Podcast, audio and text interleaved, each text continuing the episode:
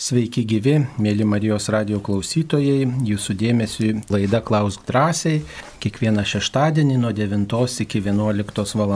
mes laukime jūsų skambučių, taip pat jūsų žinučių, kuriuose būtų klausimų susijusių su krikščionišku katalikišku tikėjimu.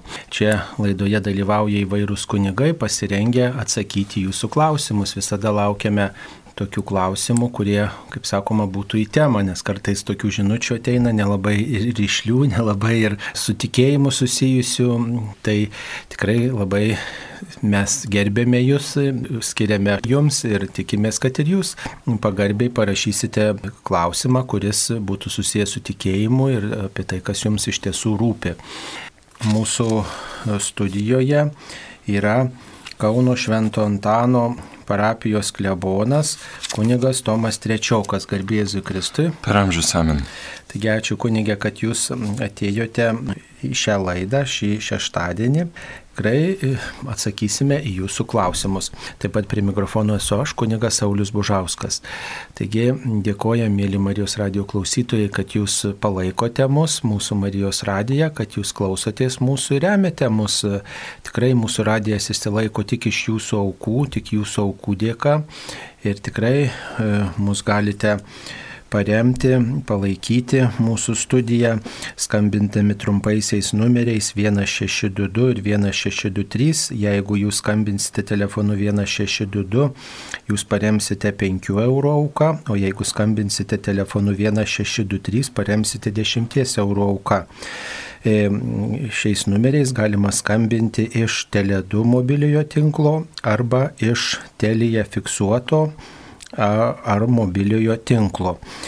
E, taip pat yra galimybė jau šiais metais internetu užpildyti pajamų mokesčio deklaraciją ir 1,2 gyventojų pajamų mokesčio, 1,2 procento skirti Marijos radio labui. Tai tikrai, jeigu jūs esate dirbantis žmonės arba jūsų artimieji dirba, tai tikrai galima netvėrus piniginės, tik tai užpildžius deklaraciją gyventojų pajamų mokesčio dalį skirti Marijos radio labui. Tikrai mes su dėkingumu priimame jūsų auką ir melžiamės už visus mūsų geradarius švenčiausio sakramento adoracijoje kiekvieną dieną ir taip pat melžiamės ir Šiluvoje aukodami šventasias mišes ir taip pat kiekvieną mėnesį aukojame šventasias mišes už mūsų geradarius ir už visus tuos žmonės, kuriems rūpi vairūs jų reikalai. Taigi, ačiū visiems už aukas, ačiū visiems, kuriems rūpi Marijos radijas. O dabar laukiame jūsų žinučių. Štai viena tokia žinutė yra atsiusta. Sveiki, kaip nešti taiką į pasaulį. Ir čia taip pat tokia abejonė, sunku patikėti, kad Putinas save laiko krikščionių. E, tai matot, sunku patikėti, tai nelengva patikėti turbūt apie kiekvieną, svarstant, matant gal žmogaus netokius darbus, kokius mes norėtume matyti, bet čia jau turbūt kiekvieno asmeniškas reikalas, koks jo tikėjimas ir kaip jis pagal jį gyvena. Kiekvienas duos atsakomybę už save. Bet galbūt reikėtų apie tą taiką kalbėti, kaip nešti taiką į pasaulį. Kunigė, gal jūs turit kokių idėjų, kaip nešti taiką? Turbūt taika prasideda nuo kiekvieno mūsų minties, žodžio, darbo, elgesio. Taip, turbūt vienas iš svarbiausių dalykų tai yra visos, visos kovos prasideda žmogaus viduje.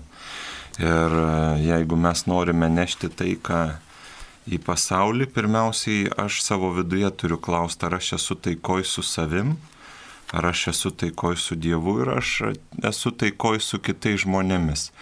Plus visada smurtas ir, ir, ir agresija visada yra susijusi su baime.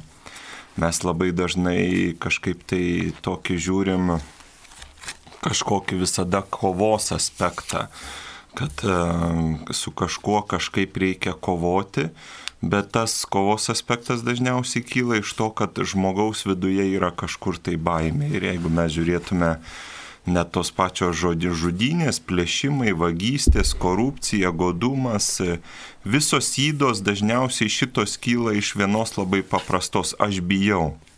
Aš bijau būti neturtingas, aš bijau būti paprastas, aš bijau būti nugalėtas, aš bijau daugybės įvairiausių dalykų ir iš tikrųjų kiekvienas iš mūsų pirmiausiai turim savo vidų užpildyti tą šviesą, tą pasitikėjimą Dievu. Ir kaip visada sakau, ir ponas Putinas augo vieną su mama vieno kambario būte.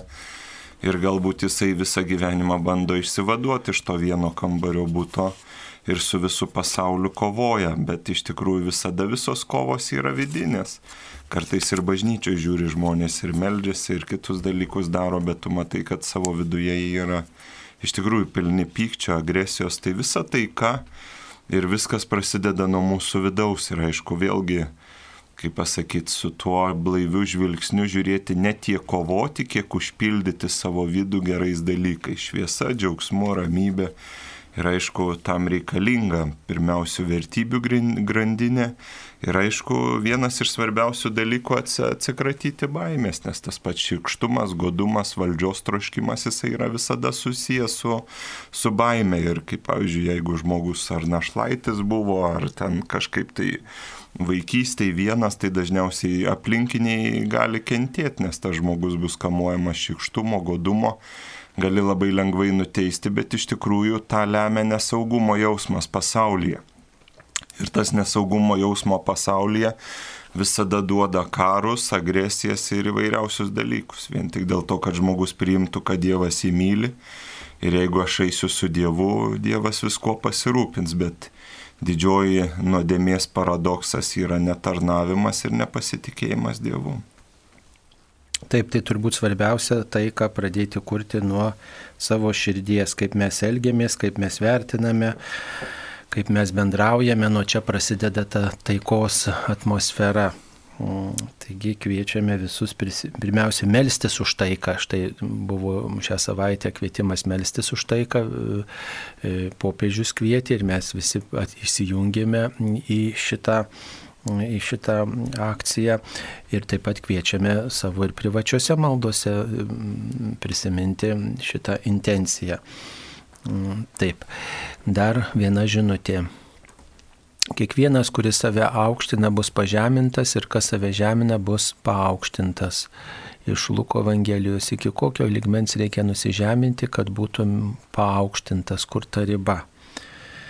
Nu, turbūt nereikia, nereikia čia norėti būti paaukštintų, turbūt reikia išvelgti to mažumo vertę, grožį, svarbą ir tiesiog Dievo čia reikalas, kaip jis mus išaukštins ir, ir, ir, ir ar išaukštins. Tai mm, didžiausias džiaugsmas yra mm, nujausti tą mažumo džiaugsmą, tą tarnystės grožį ir siekti nuolankumo nuolat įvairiais būdais. Tai yra pažiūrėti, kaip kiekvieną situaciją galima panaudoti geram ir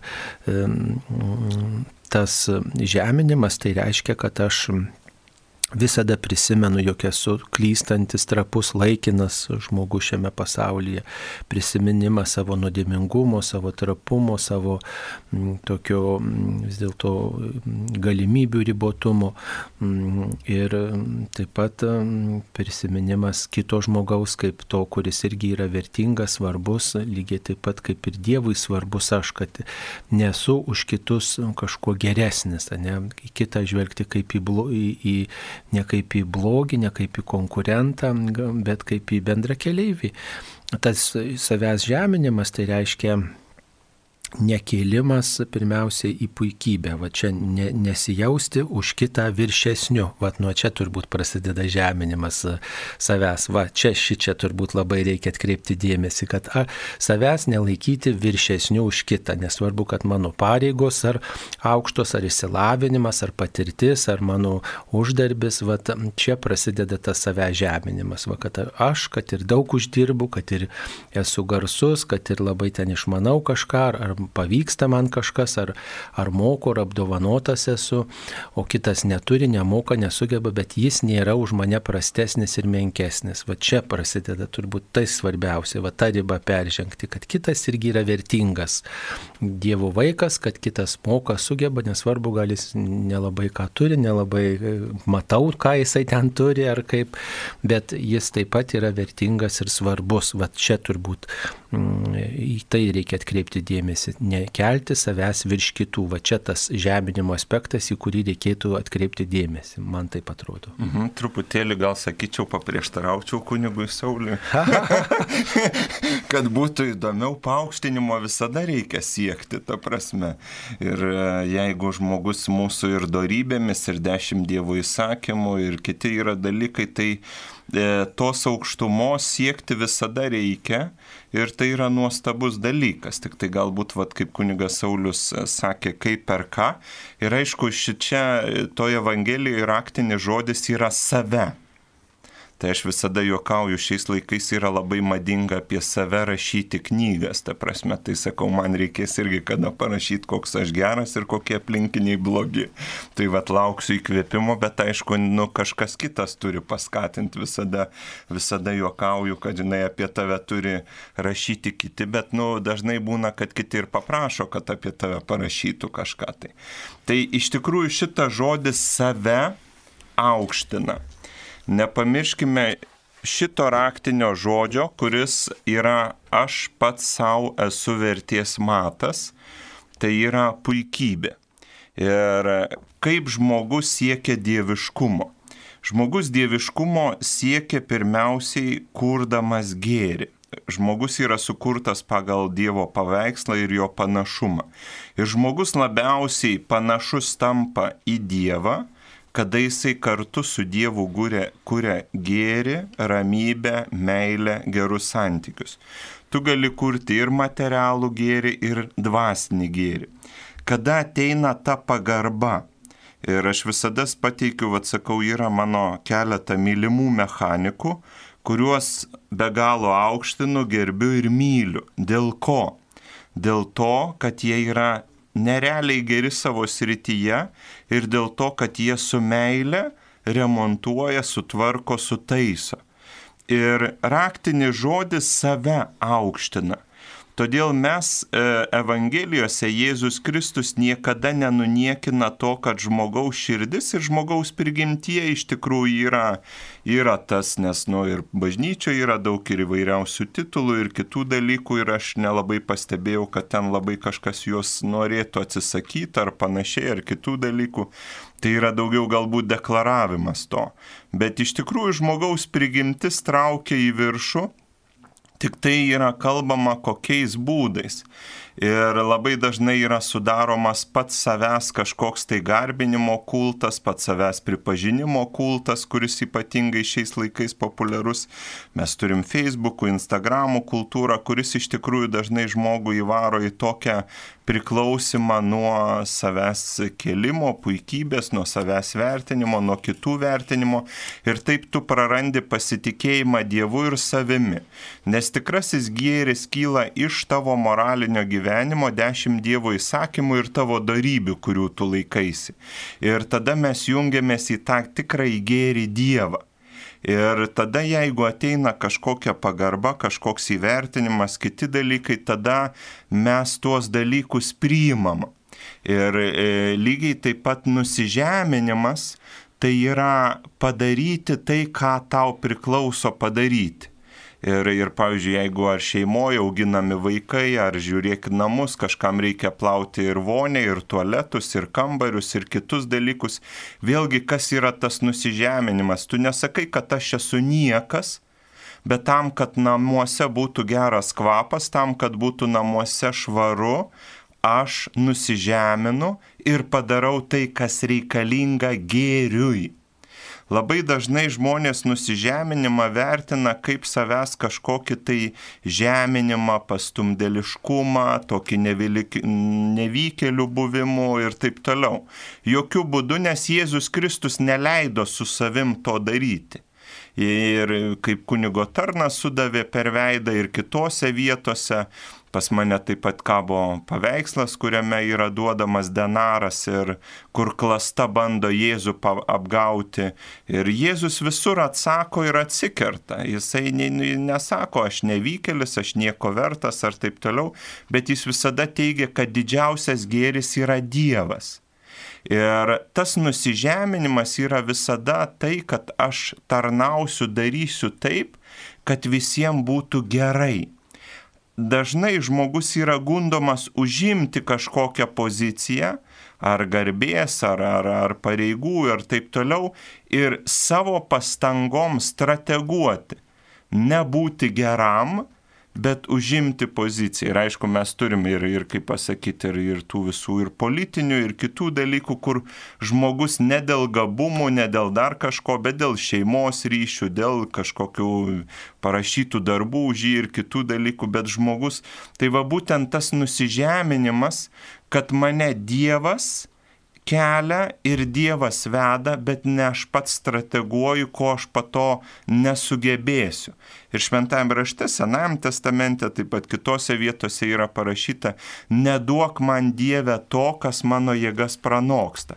Tai būtent nusižeminimas yra buvimas savo jėgose, kada tu pažįsti savo galimybės ir jas vykdai tarnaudamas, bet jeigu tu gerai atlieki savo tarnystę, savo darbą ir tau vadovas sako, va tave pakelsim pareigose, tave dar kažką ir taip toliau. Ir yra aišku kitas būdas ten kažką šmeišti, daryti intrigas, skūsti ir taip toliau ir taip toliau. Taip, dabar ačiū. Dar viena žinutė apie rožinį. Rožinis yra nuostabi malda, pamilau jį, gal žinote apie šią maldą knygų. E, pati pagrindinė knyga, tikrai viena svarbiausių knygų, kurią reikėtų perskaityti visiems, kurie domisi rožinio malda, tai yra Pažiaus šventojo popiežiaus Jono Pauliaus antrojo apaštališkasis laiškas Rozarijum Virginis Marija apie šventąjį rožinį, apie jo slėpinius. Jis parašytas 2002 metais, berot spalio mėnesį. Ir taip pat galima jį gauti ir lietuvių kalba arba surasti internete. Jis nėra ilgas, jį galima perskaityti ir ten tikrai E, daug peno, dvasinio peno galima perskaityti apie rožančių ir tikrai susidaryti tokį sveikesnį pamaldumą, puoselėti sveikesnį pamaldumą, negu kartais gal mes ir turime išsiugdę. Na taip pat yra ir įvairiausių tokių knygelių, kuriuose yra pateikti Mm, apmąstymai rožinio paslapčių, tai ten taip pat irgi yra, um, irgi yra šiek tiek ir apie rožinio istoriją, ir apie rožinio maldos svarbą ir panašiai. Taigi džiugu, kad jūs melžiatės rožinį, kviečiame tikrai neapsiprasti su šia malda, nes yra pavojus berti kaip žirnius į sieną ir gal mm, tiesiog pamesti tikrąją šio rožinio prasme e, šios maldos prasme. Dar viena žinutė apie maldos grupę pasivadinusią Dievo karalystės. Taip, Dievo karalystė misija. Tai, e, tai yra protestantiška maldos grupė, nėra katalikiška, jeigu čia apie tą pačią kalbame, tai Na, mes negalime vertinti protestantiškų maldos grupių, jos gyvoja savo, pagal savo stilių ir tiesiog nepripažįsta to, ko pripažįsta katalikai. Tai m, truputį kitaip traktuoja, pavyzdžiui, ir krikštą traktuoja, kad krikštas turi būti būtinai panardinimas ir jeigu, pavyzdžiui, ateina kažkas, kas, kas šventė krikštą, nebūdamas panardintas, krikštas yra kartojamas toj maldos grupiai, tai nu, truputį net, nu, va, tokia yra tvarka ir truputį kitaip į daug ką žiūrima. Ir iš kitas atgimimas iš aukšto, ta tokia dvasinė patirtis akcentuojama toj maldos grupiai. Va, kai tuo tarpu toks ekumeninis požiūris į krikštą, kad jeigu žmogus yra pakrikštytas vandens užpilimu ir nebūtinai panardinimu, bet ištariant švenčiausios trejybės e, formulę, tai tas krikštas yra galiojantis. Tai, na, va, tai yra truputį tokių vat, kito, kitokių prieigų prie visiems mums tokių svarbių dalykų tai mm, kviečiame tikrai lankyti katalikiškas maldos grupės. Dar viena žinutė, ar reikia nusižeminti, kenčiant kitų patyčias ir toliau su tokiais žmonėmis bendrauti? Tai tikrai ne. Ta prasme, nes yra kiekviename iš žmogaus yra žmogus orus, kiekviename iš žmogų, žmoguje gyvena šventoji dvasia, pats Dievas Ir tai yra, kaip pasakyti, žeminimas savęs, žeminimas Dievo paveikslo. Žmogus turi bendrauti su tais, kurie jį palaiko. Ir, kaip pasakyti, tai iš kitos pusės, jeigu tai atsitiko kažkoks tai nuo vienu žodžiu netyčinis dalykas ar panašiai, tai visada yra, ar toks kažkaip tai žmonės kartais būna, vieni jautriau reaguoja, kiti stipriau ir panašiai, tiesiog išsiaiškinti, žinai, man pavyzdžiui nepatinka, kaip tu su manim kalbi, man nepatinka, kaip tu sakai ir taip toliau ir aišku, dažnai lietuviai nedrįsta kalbėtis.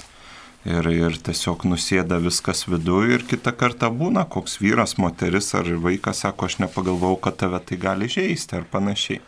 Bet jeigu tai yra daroma sąmoningai, tai yra mazochizmo forma.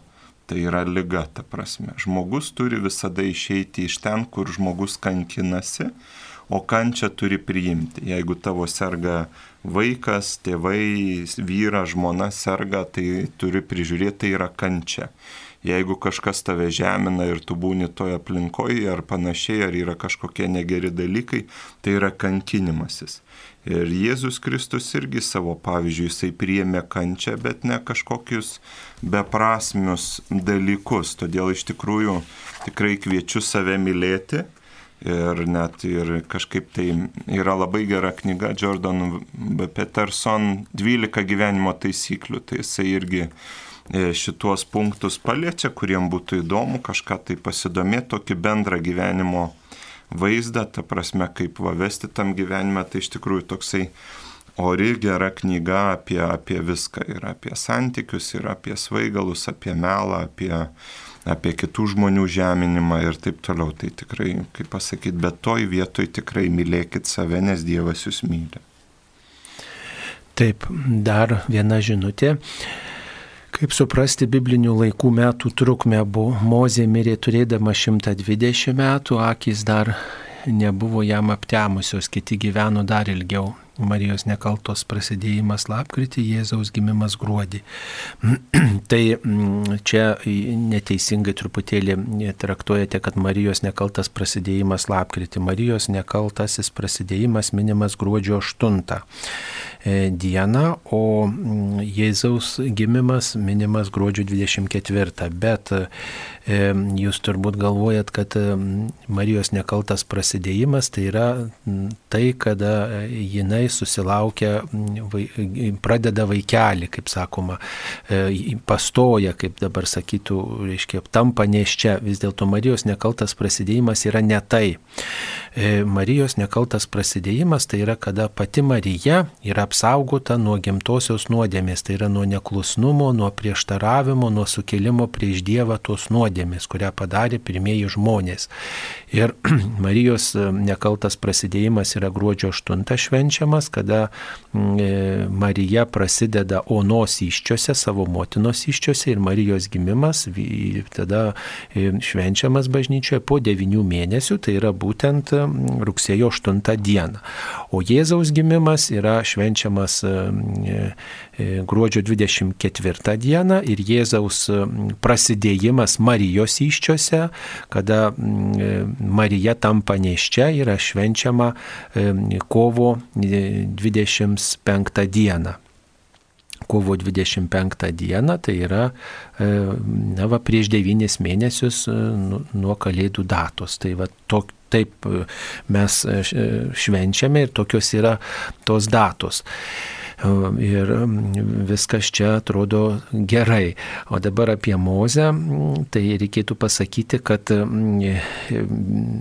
Biblijoje skaičiai ne tik tai tokią tiesioginę prasme turi, bet ir simbolinę prasme turi. Tai e, viena vertus e, tuo norima pasakyti, kad tikrai e, tie tikinti žmonės, dievų pasitikinti žmonės ir jo valią vykdanti žmonės, bibliniai žmonės, jie tikrai jų ta amžiaus trukmė buvo buvo ilga ir jie tikrai buvo Dievo laiminami ilgų gyvenimų.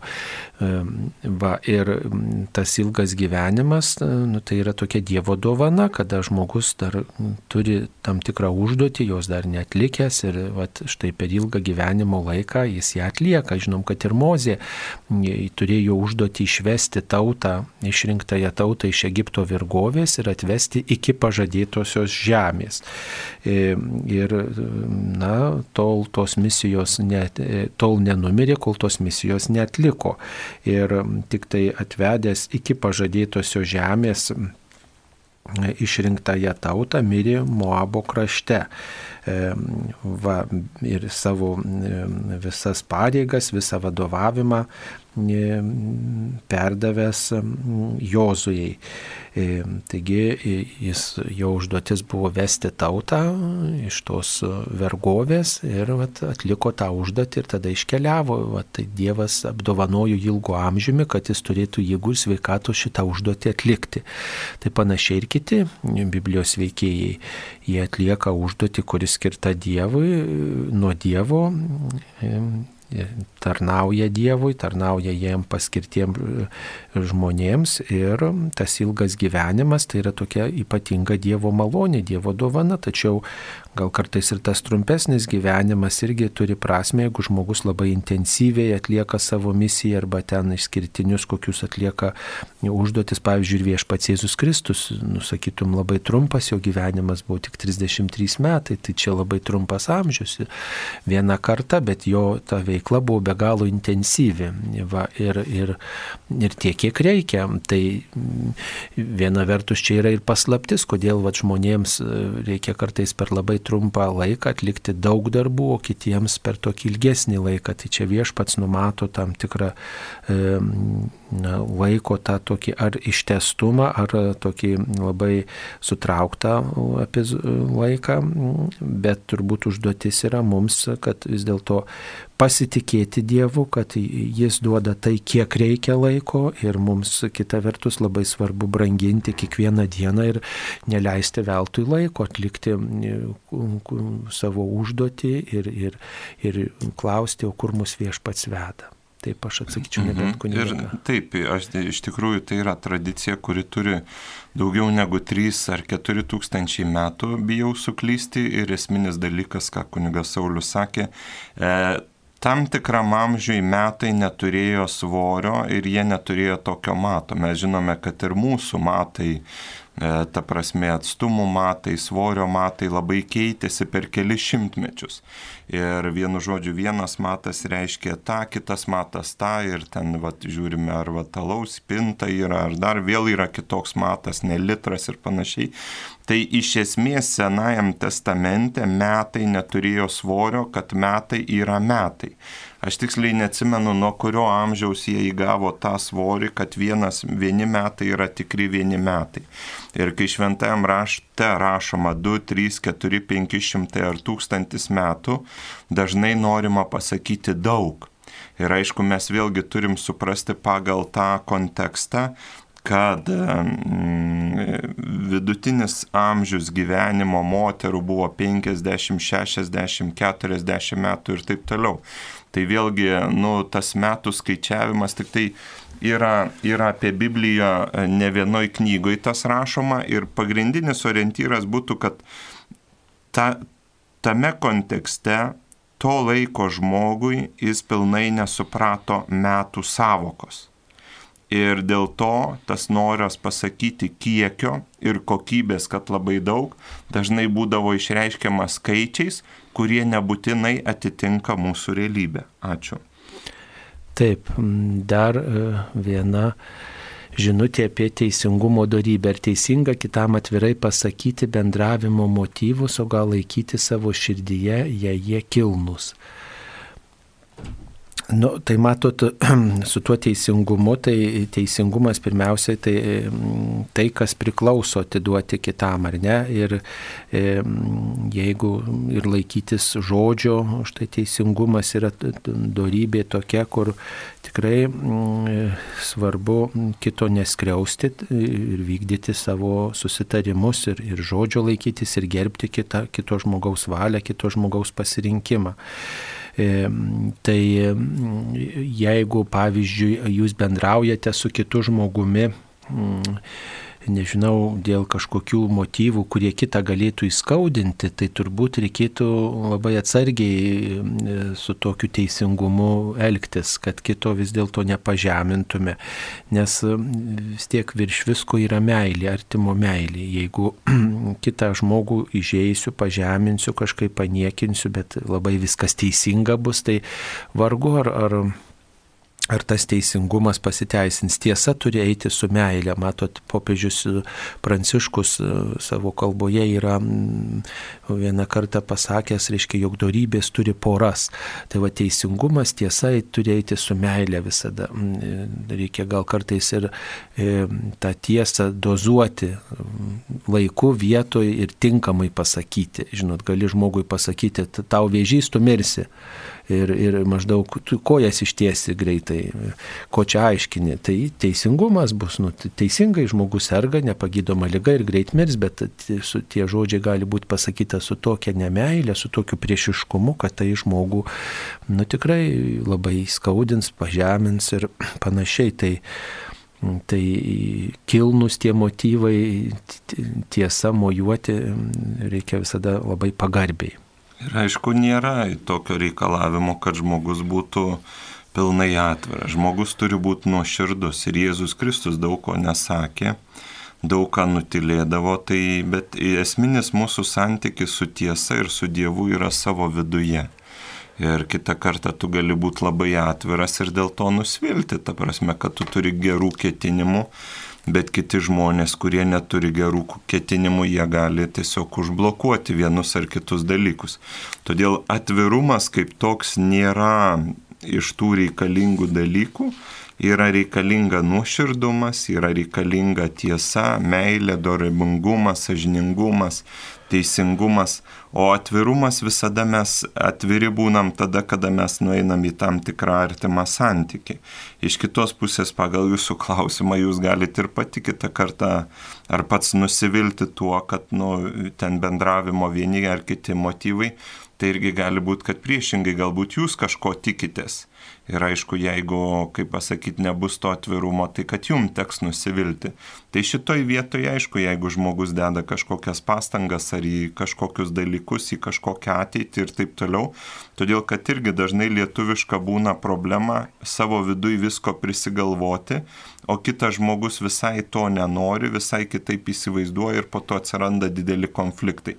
Tai va šitoj vietoj galbūt reikalingas atvirumas, kad aš, va, pavyzdžiui, matau ateitį ar kitus dalykus taip, o kaip, pavyzdžiui, jūs matote tą ateitį ar panašiai.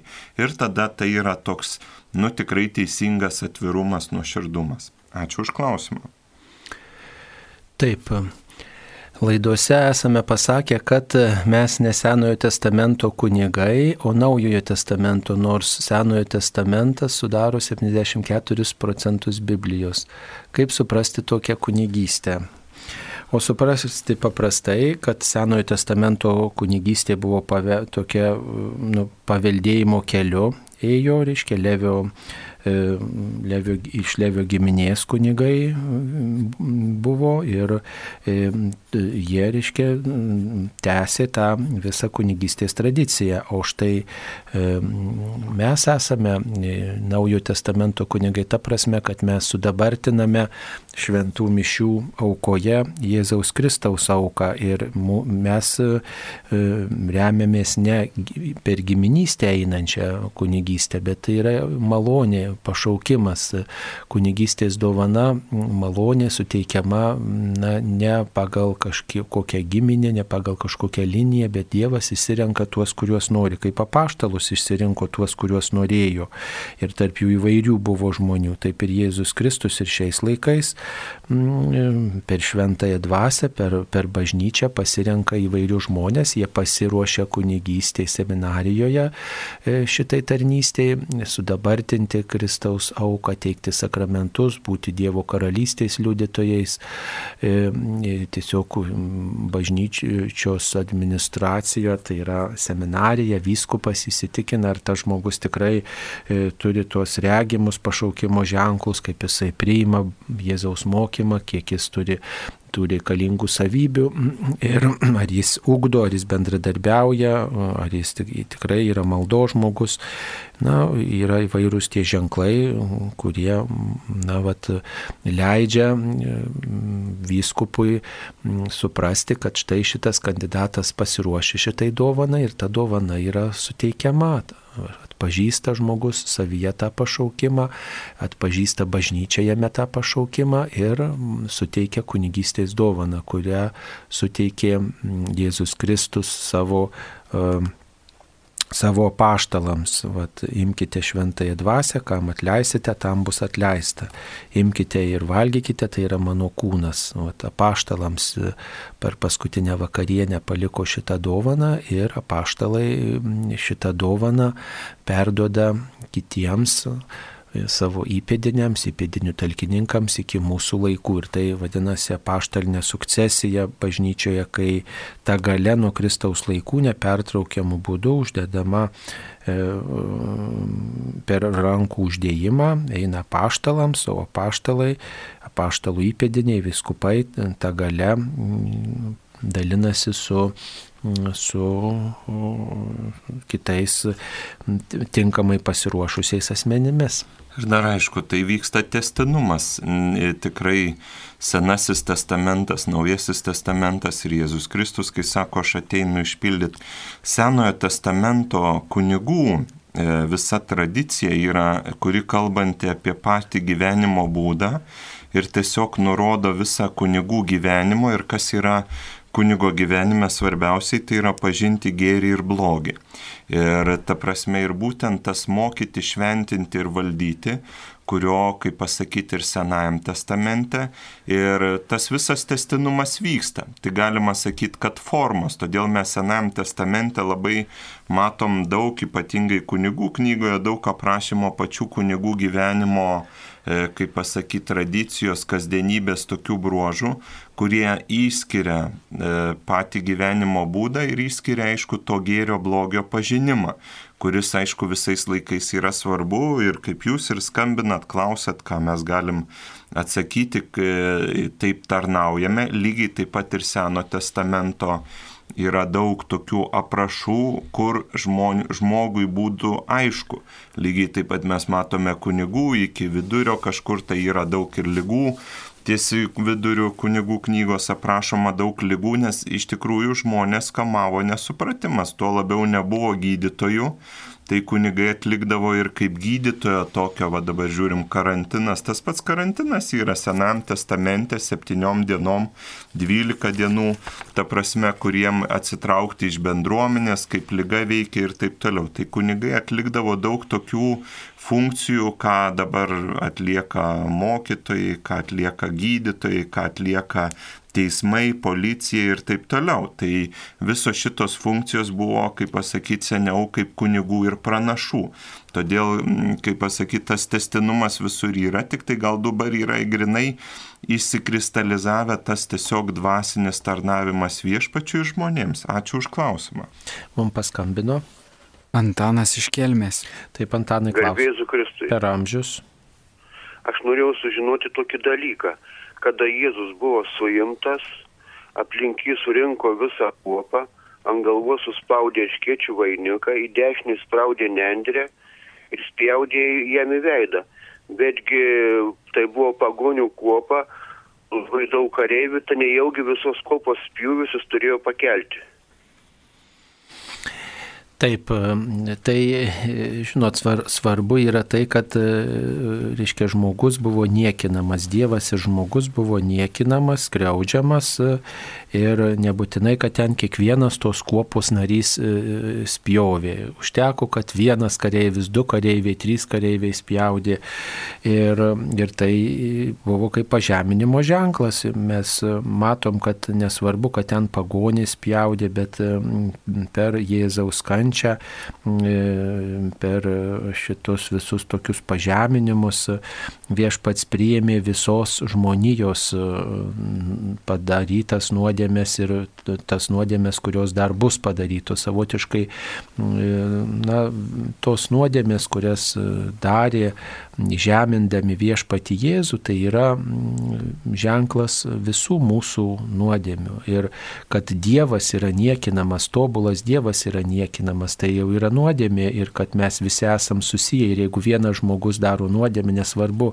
kas jisai būtų, e, tai na, ta nereiškia, kad ta nuodėmė tik tai yra jo reikalas. Mes visi tarpusavį esam susaistyti tokiais ryšiais, broliškumo ryšiais. Nu, ypatingai šitą pandemiją tą parodo, ne, kad jeigu, pavyzdžiui, žmogus vienas nesilaiko ten karantino, jeigu vienas žmogus sirgdamas vat, pereina per miestą, per parduotuvę, ne, kosėje, ap, apkrečia daugybę žmonių. Ir vieno žmogaus gal koks neatsargus elgesys, ne, tą, tą virusą pasėjo per pasaulį, nesvarbu, kaip tas virusas atsirado, dėl kokių priežasčių, bet um, tikriausiai kažkas neatsargiai elgėsi, ar ne? Ir, ir va, tas vieno žmogaus neatsargumas, žiūrėkit, kaip per visą pasaulį nuvilnijo tas virusas. Ir, ir, ir tai reiškia, kad mes esam tarpusavį susiję. Nesvarbu, kad aš ten atsitiktinai atsiradau, ar dar kažkaip aš vat, kenčiu nuo to ir galbūt kažkas visiškai atsitiktinai atsiradęs vienoje ar kitoje vietoje susirgo ir net numirė gal. Va, ir, ir kenčia net ir vaikai, kurie turi per nuotolį mokytis ir jie ten sėdi prie kompiuterio, daug valgo, nutunka ir ten, į, į, kaip sakoma, ir jų tas elgesys ir įgūdžiai ir visa kita keičiasi. Tai, tai va matot, visiškai nieko dėti žmonės kitam pasaulio krašte, jie, jie turi, turi pa, kaip sakant, susidurti su pasiekmėmis vienokio ir kitokio elgesio. Tai, tai ir tas pjūvis, ir tos nuodėmės, ne, kurias žmonės darė štai Jėzuje, ne, ir niekino Dievą ir žmogų. Dievą, kuris parodė begalinę meilę, ateidamas pas mus, tapdamas vienu iš mūsų, o žmonės nepriėmė. Tai nėra tik jų reikalas, bet jie e, va, tokiu būdu, nu, tą nuodėmės, tą paniekinimą darydami, va, na, jie, taip sakant, yra susijęs su visa žmonija, ne, ir jų tas elgesys, nu, tai susijęs taip pat ir su mumis. Va, tai, tai mes irgi niekinam viešpati, kai darom vieną vieną ar kitą nuodėmę, kai silpnesnį, mylinti kitą žmogų vargšą niekinam, spjaudom arba ignoruojam arba save pakeliam virš kito, tai, tai tokiu būdu patį Jėzų Kristų niekinam. Ir dar tuo labiau norėjau dadurt, kad visais laikais buvo ir yra teisingumo ir teisumo nekentimas. Ir vėlgi žiūrėkime, ar kažkur darbovietė, ar kitur žmogus, jeigu iš tikrųjų labai toks tyras, teisingas, sąžiningas, visada dažniausiai susidurs su tuo, kad žiūrėk, žinai, teisuolį, šventėjvą ar panašiai ir tiesiog ir būna man, pavyzdžiui, netrukdo žmogus gali 24 valandas melstis, dalinti turtą, ką nori daryti, o yra va kitus, kuriuos tas nervina, ar kurie sąžiningai mokesčius moka, ar panašiai ir taip toliau. Ir va tas nekentimas to teisingo, teisaus žmogaus. Tai aišku, kunigas Saulis labai gražiai išplėtė viską, bet tuo pačiu mes turim suprasti, kad Kristaus sėkime yra labai svarbus tas momentas, kad tu už tai, kad tu būsi teisingas, sažiningas, mylintis, nebūtinai tu būsi paglostytas. Ir būtent ta Dievo meilė rodo tą, kad Jėzus būdamas be galo mylintis, be galo teisingas ir, ir vienoje istorijoje net aprašoma, kai vienas e, šitą psichoterapeutas kito, kitos psichologės vaiką apkabina ir, ir nesako, jis jo niekad neapkabina, nors jinai pati mokslininkė, psichologė ir panašiai. Ir tada ta motina ateina, o žiūrėk, teisuolis, meilė šaltinis sėdi. Tai vienu žodžiu, vat, labai svarbu tuos niekinimus, ženiminimus priimti iš to, kad manyje gyvena blogis ir aš nekenčiu to šviesos, kuri parodo mano nešvarius drabužius, kuri parodo mano suteptumą. Tai būtent vat, ir yra Evangelijoje, jis sako, į pasaulį atėjo šviesa, į pasaulį atėjo ugnis, ne? ir jeigu tu esi tamsoj, tu esi nešvarus, myrdintis ir viskas ir taip toliau ir viskas tvarkoj. Ir žiūri, ateina žmogus ten nelėbavęs, negėręs, ne nieko ir jisai ateina švarus, orus, kilnus ir jo visi nekenčia, žiek pošeiva, žiek šventeiva, žiek viską. Ir va tas visas teisumo nekentimas ir ateina taip pat į kančią ant kryžiaus. Ačiū labai Jums už klausimą. Mums paskambino. Teresė iš Kedainių rajono. Taip, Teresėlė, klauskite. Per amžius. Aš e, girdėjau per, per jūsų laidą dėl, Mari, dėl mirusiųjų litanijos. Ar jinai jau išimama visai, ar ne, nes jin yra 57 metų, trečioji laida Kauno arkiviskupijos išleista. Taip, man irgi teko štai po šitos laidos į mano rankas pateko maldaknygė. Tikrai neprisimenu, ar čia tų pačių metų, tačiau va, tai po kario laikų maldaknygė ir aš tą litaniją ten radau. E, Na tai ta litanija tada maldaknygiai buvo probuota, Tai viskas gerai, tikriausiai ten nėra jokių, jokių, kaip sakoma, klaidų, bet vėliau aš nežinau, dėl kažkokių gal pastoracinių motyvų nutarta tos litanijos kažkodėl neįtraukti į maldaknygės. Na tai reikėtų klausti tų žmonių, kurie sudaro maldynus, kodėl tos litanijos neįtraukia, dėl kokių priežasčių. Tai kiek e, žinau, dabar e, prie maldyno redakcijos prisideda kunigas, kunigas Kestutis Palikša, e, Vilniaus arkiviskupijos kurijos kancleris, tai mm, jo reikėtų gal ir paklausti, kodėl, pavyzdžiui, neįtraukia, e, neįtraukia šios litanijos į maldyną. Bet privačiam naudojimui tai tikrai jinai naudotina, sakyčiau, liaudiškame pamaldume ten viskas gerai, ypatingai kai jinai kažkada buvo ir, ir maldynė įtraukta. Tai tikrai manau, kad tais laikais dar kruopščiau skaitė, tikrino ir, ir tiesiog nežinau tų priežasčių, negalėčiau dabar pasakyti, kodėl šiais laikais neįtraukta. Taip, dar, viena, e, dar vienas klausimas apie maldą.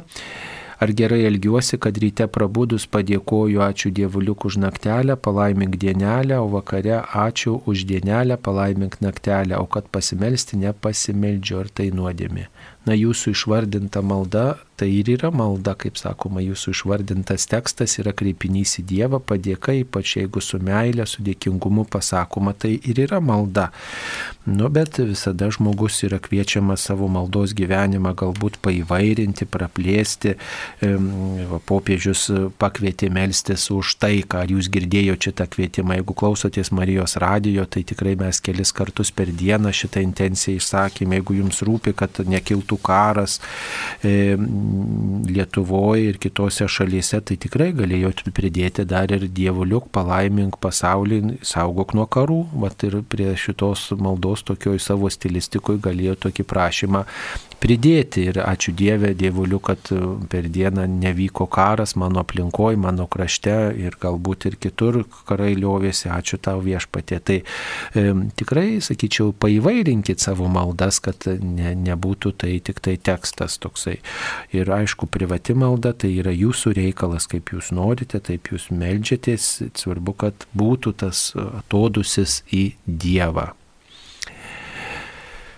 Taip, mane įskaudino viena šeima, atitolau nuo jų, jau visą mėnesį už juos kalbu rožinį, tačiau prisiminimai nuolat sukelia didžiulį skausmą, nemigą, ką daryti. Gal nereikia to rožinio? To rožinio reikia.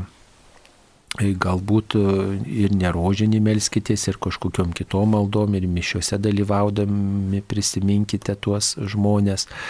Nežinau, ar tikrai na, tie prisiminimai išnyks, tie prisiminimai tai čia yra tikrai tokia sopanti žaizda tiesiog tuos prisiminimus reikėtų atiduoti Dievui ir viešpati kviesti į santyki, jūsų santyki ir melstis į savo angelą sargą, taip pat į tų žmonių angelą sargą ir prašyti, kad jums tikrai padėtų taikoj gyventi, kad tuos prisiminimus gydytų.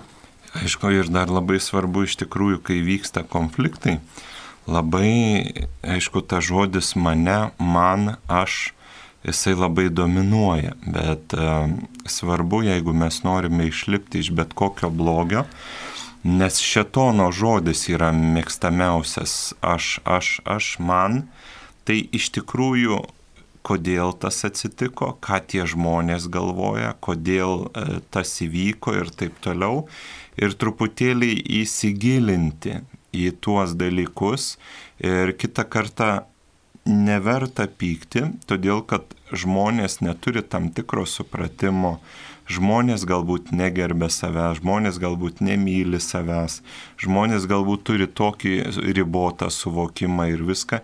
Ir mūsų, kaip pasakyti, yra viena iš krikščionių savybių yra atlaidumas.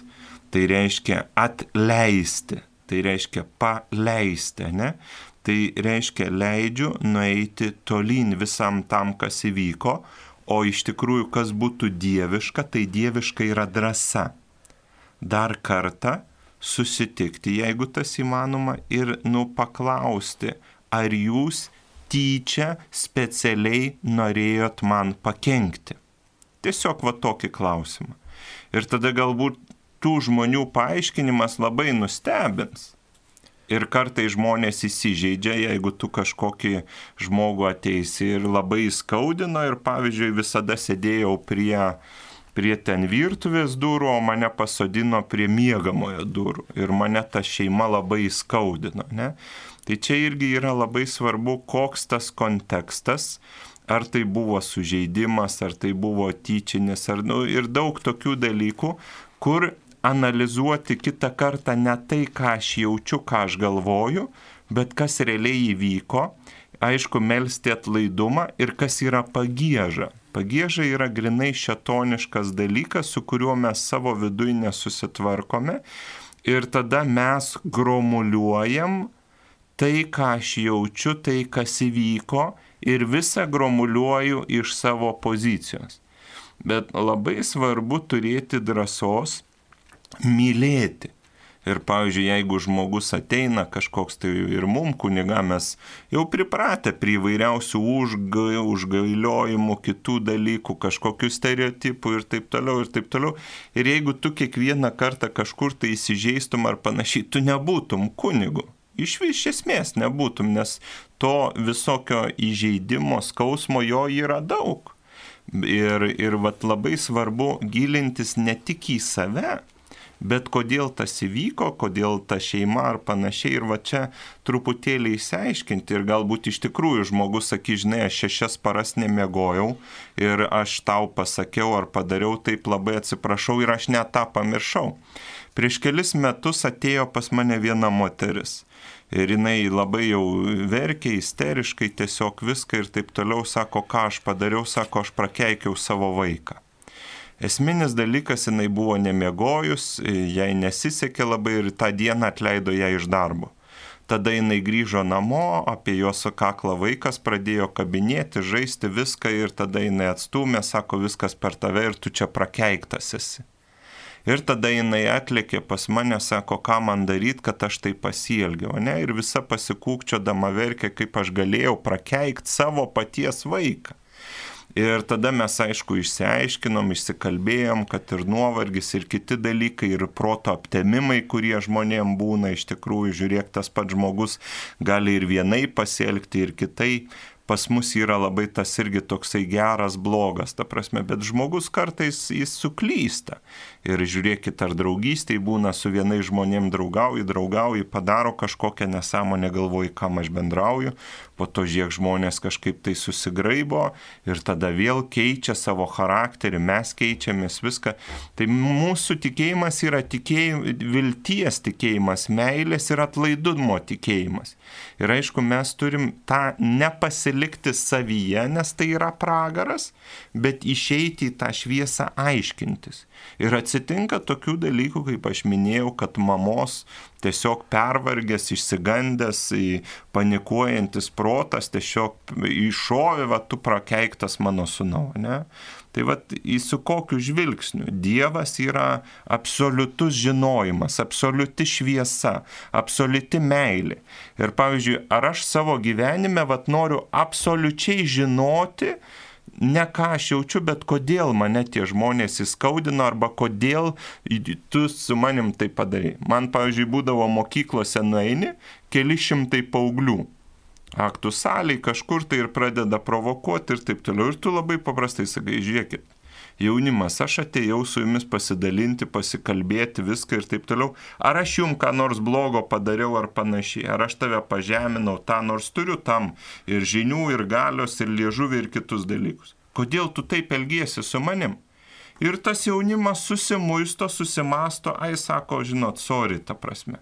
Bet ar tu eini į tą šviesą žinojimo ir santykio? Ar tu užsidarai kaip šetonas, kuris šliaužioja žemė ir analizuoja vien tik, ką aš jaučiu ir kaip man nesiseka?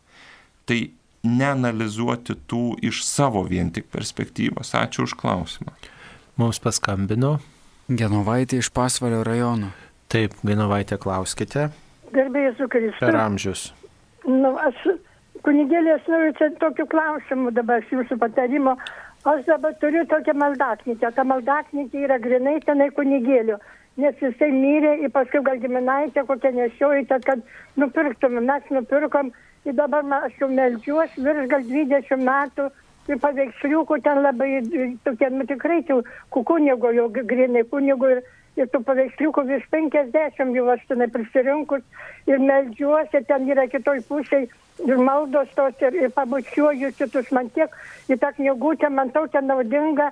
Nu, ir dabar aš galvoju, kad kas numirsi, man jau 82 metai baigės ir niekas čia ne, nereikalinga, jinai bus ta knygutė. Ir dabar ją sudegis, nu, kad kunigėlė aš noriu, kad mane supakuosiu, tenai sutvarkysiu, sudėsiu tuos visus paveiksliukus ir kad man padėtų po po pagalbę į karstą įdėtum. Abu galima šitai padaryti. Nu, aišku, galima padaryti, bet pagalvokit, galbūt tą knygutę galima atiduoti į kokį muziejų, pavyzdžiui, arba kokiai bibliotekai padovanoti, galbūt tai tikrai kažkokia įdomi yra knygelė, arba kažkokiam garsiam kunigui gal priklausė, gal dar kažkokia įdomi istorija yra, mm, tai įvairiai galima pasielgti. Aišku, jums sakralus dalykas ir jeigu jūs norite, kad jums įdėtų į karstą jūsų pasirinkimas, tai tikrai nėra nei, nei kažkoks paniekinimas, nei dar kažkas. Tai paprastai žmogui įdeda į rankas mirusiam žmogui ir, ir paveikslėlį. Ir, Ir taip pat įdeda religinį paveikslėlį, aišku, ir įdeda rožinį. E, tai tokie maldo ženklai, ypač tiems žmonėms, kurie palydė tą iškeliavusi. Šiaip taip po pagalbę e, labai senas paprotys dėti e, žolynų, pašventintų žolynų, žolinės likusių žolynų e, tokia plokštelė. Vat čia tokia sena tradicija yra, kuri E, kuri liudyja, jog štai mes tikime mirusiųjų prisikėlimu, taip kaip Marijos e, kape buvo rastos gėlės, taip ir tikime, kad ir mūsų kape mums mirus, reiškia, bus tik tai gėlės, jeigu žmogus dorai gyveno štai ir, ir jis prisikelia gyvenimui be pabaigos, o, o tame toje palaidojimo vietoje, na, nieko nelieka. Tai, taip sakant, mūsų kūnas yra šventos dvasios šventovė skirtas prisikelti. Na bet jeigu jūs, jums brangios tos maldaknygės, tie sakralūs dalykėliai, nenorit, kad jų kažkas išmestų, bet va, tokiu pagarbiu būdu juos palaidotų, aišku, jūs galite to paprašyti savo artimųjų. Ir dar aišku, pažiūrėkit kiekis, kad ten nebūtų į tą karstą daug dėti visos. Visos bibliotekos. Nes jūs sakėt 50 paveikslėlių, viską tai iš tikrųjų išdalinti, padovanoti ar kažkaip tai viską, bet tokio ir praktiško dalyko, kad ta prasme tai nebūtų toks kaip stabas kažkoks, tai keletą dalykų taip. Padarysime pertrauką. Jūs girdite Marijos radiją.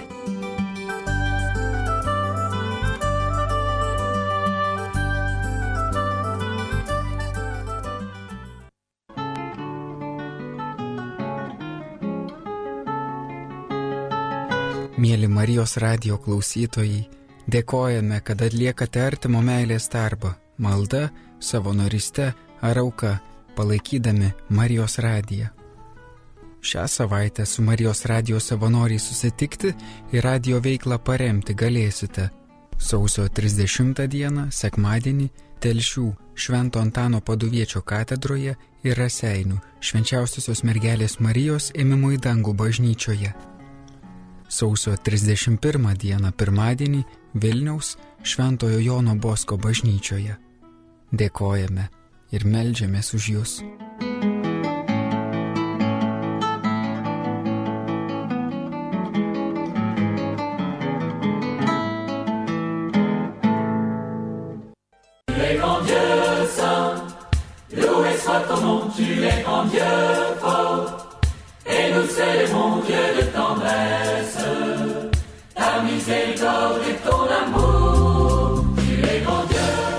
Pokalbių laida Klausk drąsiai.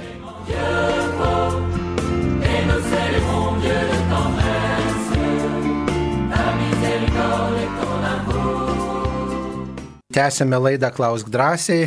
Šioje laidoje šiandien dalyvauja kunigas Tomas Trečiokas iš Švento Antano parapijos Kaune ir taip pat prie mikrofono esu aš kunigas Saulis Bužauskas. Marytė iš Rokiškio. Taip, Marytė, klauskite Garbėjas į Kristų. per amžius. Marija yra paimta į dangų su kūnu. O kokia būsena jos dabar yra? Ir ar jinai kiekvieną mūsų prašymus girdi ar ne? Labai ačiū sudė. Nu, matot, jau mes ir maldą tokią turime, amžiais nėra girdėta, kad apleistum bent vieną, kas šaukėsi tavo pagalbos. Tai reiškia, Marija girdi, išklauso ir tą liūdė daugybė žmonių įvairiose pasaulio vietose, kurie meldėsi mergelę Mariją ir patyrė vienokių ar kitokių stebuklų. Žmonės nedėkotų Dievui, nedėkotų mergeliai Marijai, jeigu mm, nebūtų va, jų prašymai neišklausyti. Be to turime keletą na, ir apsireiškimų, kurie pripažinti bažnyčios kaip tikrai autentiški, kad mergelė Marija išklauso, girdi ir kartu su mumis meldžiasi ir meldžiasi už mus. Tai taip, kad tikrai, jie, tikrai mūsų prašymai yra girdimi ir išklausomi. Ir Tai tikrai verta melstis į mergelę Mariją kartu su mergelė Marija viešpati Dievą, o kokia ta būsena, tai mergelė Marija su kūnu paimta į dangų, tai reiškia, kad jos kūnas yra perkeistas ir mm, tas kūnas prikeltas iš mirties ir jisai na, dangaus garbiai dalyvauja ir to, to, tokia garbė laukia mūsų visų. Mums dar paskambino. Stasė iš Rietavo rajono. Taip, Stasė, klauskite. Aš noriu papasakoti savo sapną. Žinau, I- Išjunkit, išjunkit, išjunkit savo radio imtuvą. Čia aš per Marijos radiją klausaus tik tą. Išjunkit, išjunkit radiją, radiją išjunkite ir tada telefonu kalbėkimės, gerai? Gerai, ačiū. Tik tai trumpai stenkimės sapną papasakot. Nu ir aš guliu kieme, žinok, nusileidom, žiūriu, gražiai tokia diena, nu debesį tokie balti, eina, eina, aš žiūriu tus debesis, žiūriu Mariją iš tų debesų. nu, leidas tiesiai ant manęs ir žinok, su dešinį ranką tokį kamoliuką laidą, o su kairį lietsargium galvelis turi. Ir leidas teik tiesiai ant manęs, va aš gulu žiūriu, jau kaip Marija artėjai prisileido, aš įsigundau, kniūsti pakritau. Marija nusileido prie manęs ir man sako, nebijok tu man, sako, kelkės, sako, tu man nuviešiai, man padavė, tu tai važymėlių dviejų tetinių, važiavau, ten pat kaimins trobą, natoliai buvau, į ton trobą. Žinok, nuvažiavau jau į ton trobą, jenau, bet ant daunas parduotuvė, daunas teik pilna, nu, pridėta, iš žmonių pilna krauta, o tai žmonės Uteik, voblevėzu, va aš vienam pribėgus konjų, sakot, juk aš Mariją atvežiau, baigi, kaip baisiai šnekėjai. Marijai pasiklausimam, sak, nesakyk tu anims nieks, sak, nei niek nesuprant. Ne atėjau, išėjau ir žinok, ir atsibudau, nežinau, kaip toliau buvau. Nu, svarbiausia, kad jūs, nu, vat, gynėt mergelę Mariją ir tikrai e, buvot e, sužavėta jos grožio ir sudraudėt žmonės, tai tikrai čia ir visada gyvenime stenkitės sudrausti tuos žmonės, kurie daro blogą ir prisiminkit, kad viešpats mus mato ir mes neliūdintume, e, turime neliūdinti nei viešpaties, nei jo šventųjų ir ypatingai mergelės Marijos, kurie iš visų žmonių tokia iškiliausia ir labiausiai trokšta, kad mes visi gyventume taip, kaip Dievas moko. Tai e, jeigu tokių sapnų dar turėsit, padėkokit pabudus, pasimelskit į mergelę Mariją ir padėkokit, kad mergelė Marija rūpinasi įvairiausiais būdais mumis visais. Taip, tai dar turim vieną žinutę. E, e, žinutė tokia yra E, nieko kelyje neimkite, žmogus perskaitė šventam rašte, nieko kelyje nesveikinkite, neimkite nei krepšio, nei autuvo. Kas tas autuvas, žmogus klausė. Tai autuvas, e, taip išvertė švento rašto vertėjai, yra avalynė. Taip sakant, kviečia viešpats pasitikėti, neapsirūpinti avalynės atsargomis keliaujant. Tiesiog neieškoti patogumo, bet pasitikėti Dievu ir atlikti savo misiją.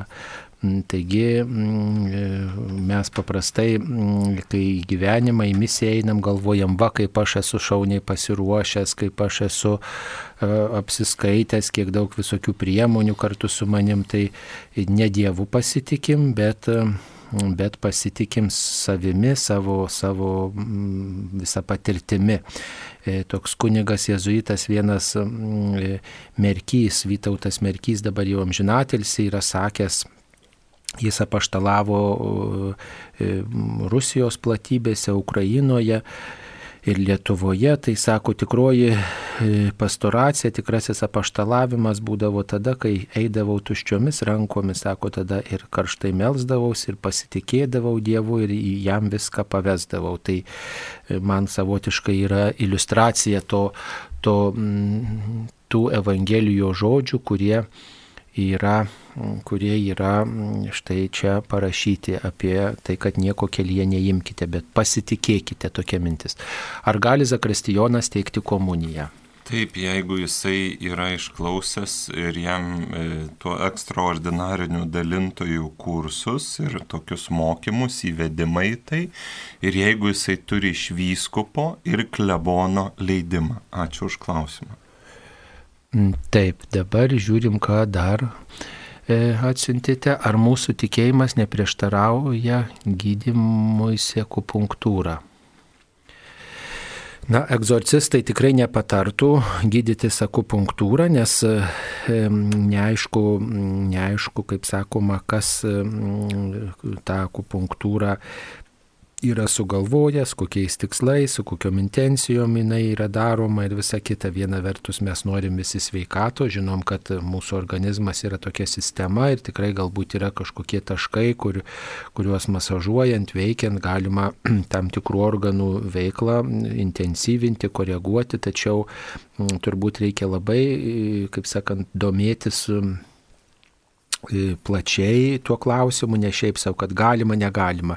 Jeigu taip trumpai norite, tai negalima, tačiau reikia labai, reiškia, irgi žiūrėti e, nu, daug visokių kitų papildomų aplinkybių, ar ne, kodėl jūs tą, tą darote, ar, ar, ar kitus tuos gydimo metodus esate apsvarščiusi ir, ir, ir kokie tie siūlomi metodai tos akupunktūros ir panašiai. Tai čia daug visokių tokių niuansų, į kuriuos tikrai reikia atkreipti dėmesį. Čia gavom vieną žinutę, kurioje siūloma melstis už tai, kad tikrai kviečiame ir jau tą darėme. Kaip ugdyti romumo darybę, kokią porą ji turi ir kaip spontaniškoje situacijose likti Dievo tiesoje. Na, romumo poros dabar nepasakysime taip greitosiomis. Mm, romumas turbūt mm, yra kantrumo, pagarbumo, ramybės toks sinonimas. Ir, ir vidinę ramybę turbūt išsaugote, ne pasitikėjimą Dievu, o tiesiog viena iš būdų ugdyti romumo darybę, tai prisiminti, kad viskas praeina ir šitai praeis ir žiūrėti, kad su meilė turbūt tą žmogų, kuris gal vienai par kitaip, vat, nu, jūsų neramybę nori, nori išmušti. Kaip išlikti Dievo tiesoje, tai Kas yra ta Dievo tiesa? Dievo tiesa yra, kad nu, kiekvienas žmogus turi teisę būti šitam pasaulyje, yra mylimas, reikalingas ir kiekvienam reikia išgelbėjimo. Tai taip ir išlikti, kad žiūrėti į tą žmogų ne tik tai per tos situacijos sakinius, bet žiūrėti, kaip sakoma, Dievo žvilgsnių, kaip į mylimą Dievo vaiką.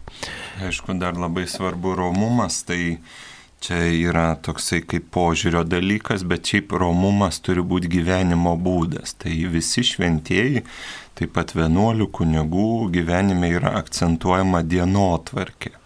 Ir labai dažnai mes visi susikoncentruojam į požiūrį, kaip aš žiūrėsiu į viską, kaip aš jausiu ir taip toliau.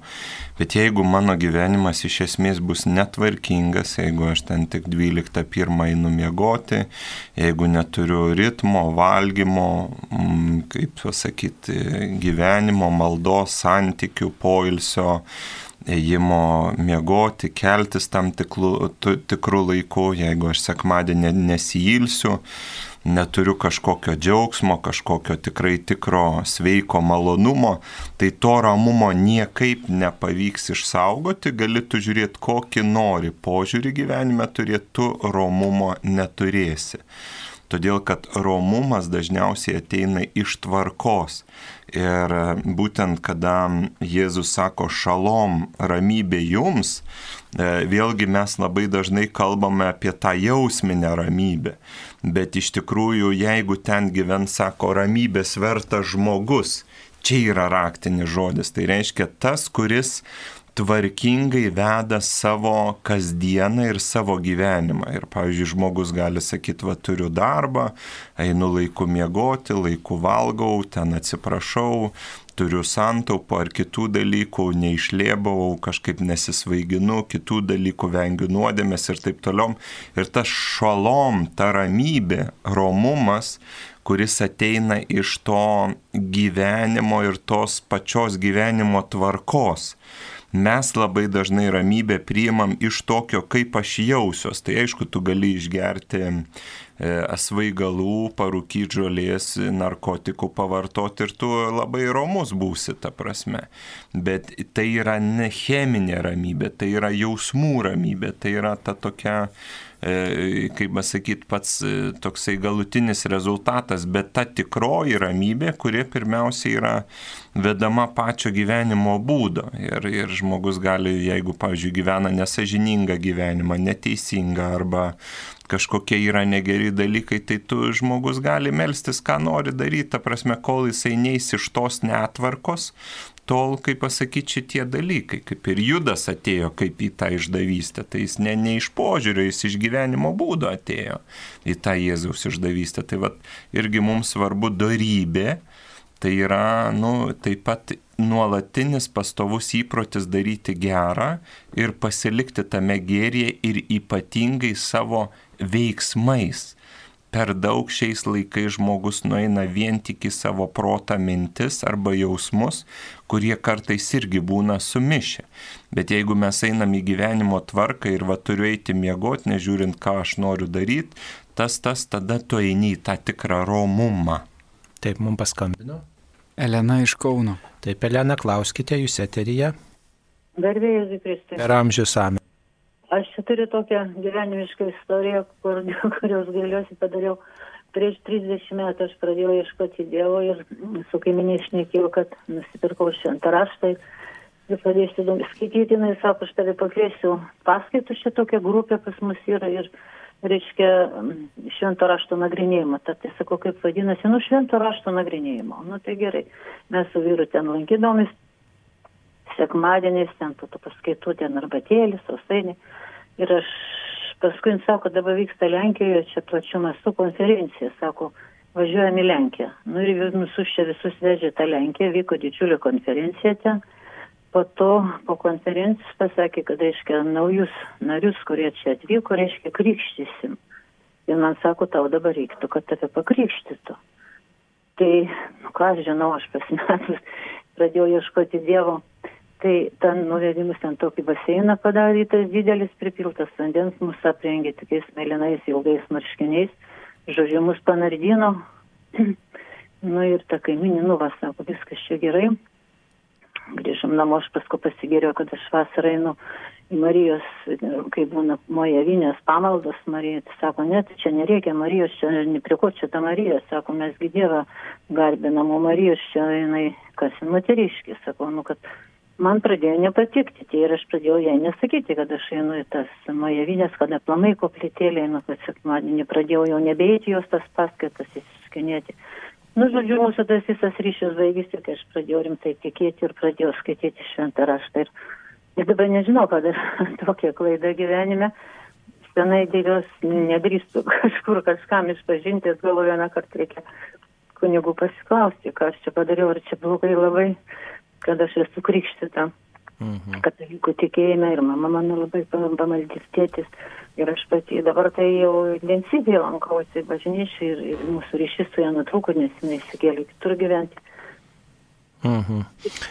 Taip, taip, tai ačiū už jūsų liūdėjimą, tai va tikrai labai toksai liūdėjimas, kuris nubiloja, jog žmogui svarbu domėtis pas kainų, kas kviečia, kiekvieno vardu čia kalbat, nu va, ir kaip jūs, kokie, koks santykis su kitom krikščioniškom bendruomenėm, tiesiog įsiaiškinti, koks jūsų požiūris į popiežių, koks jūsų požiūris į šventasias mišes, nu va, ir įsiaiškinti ne tik tai, kad apšventą raštų mojuoja, nu tai valiau, gerai, domisi šventų raštų, bet tada tada reikia įsiaiškinti ir kitus dalykus. Ir vat, kaip žmonės žiūri į popiežių, į šventasias mišes, į, į bažnytinę bendruomenę, į sakramentus.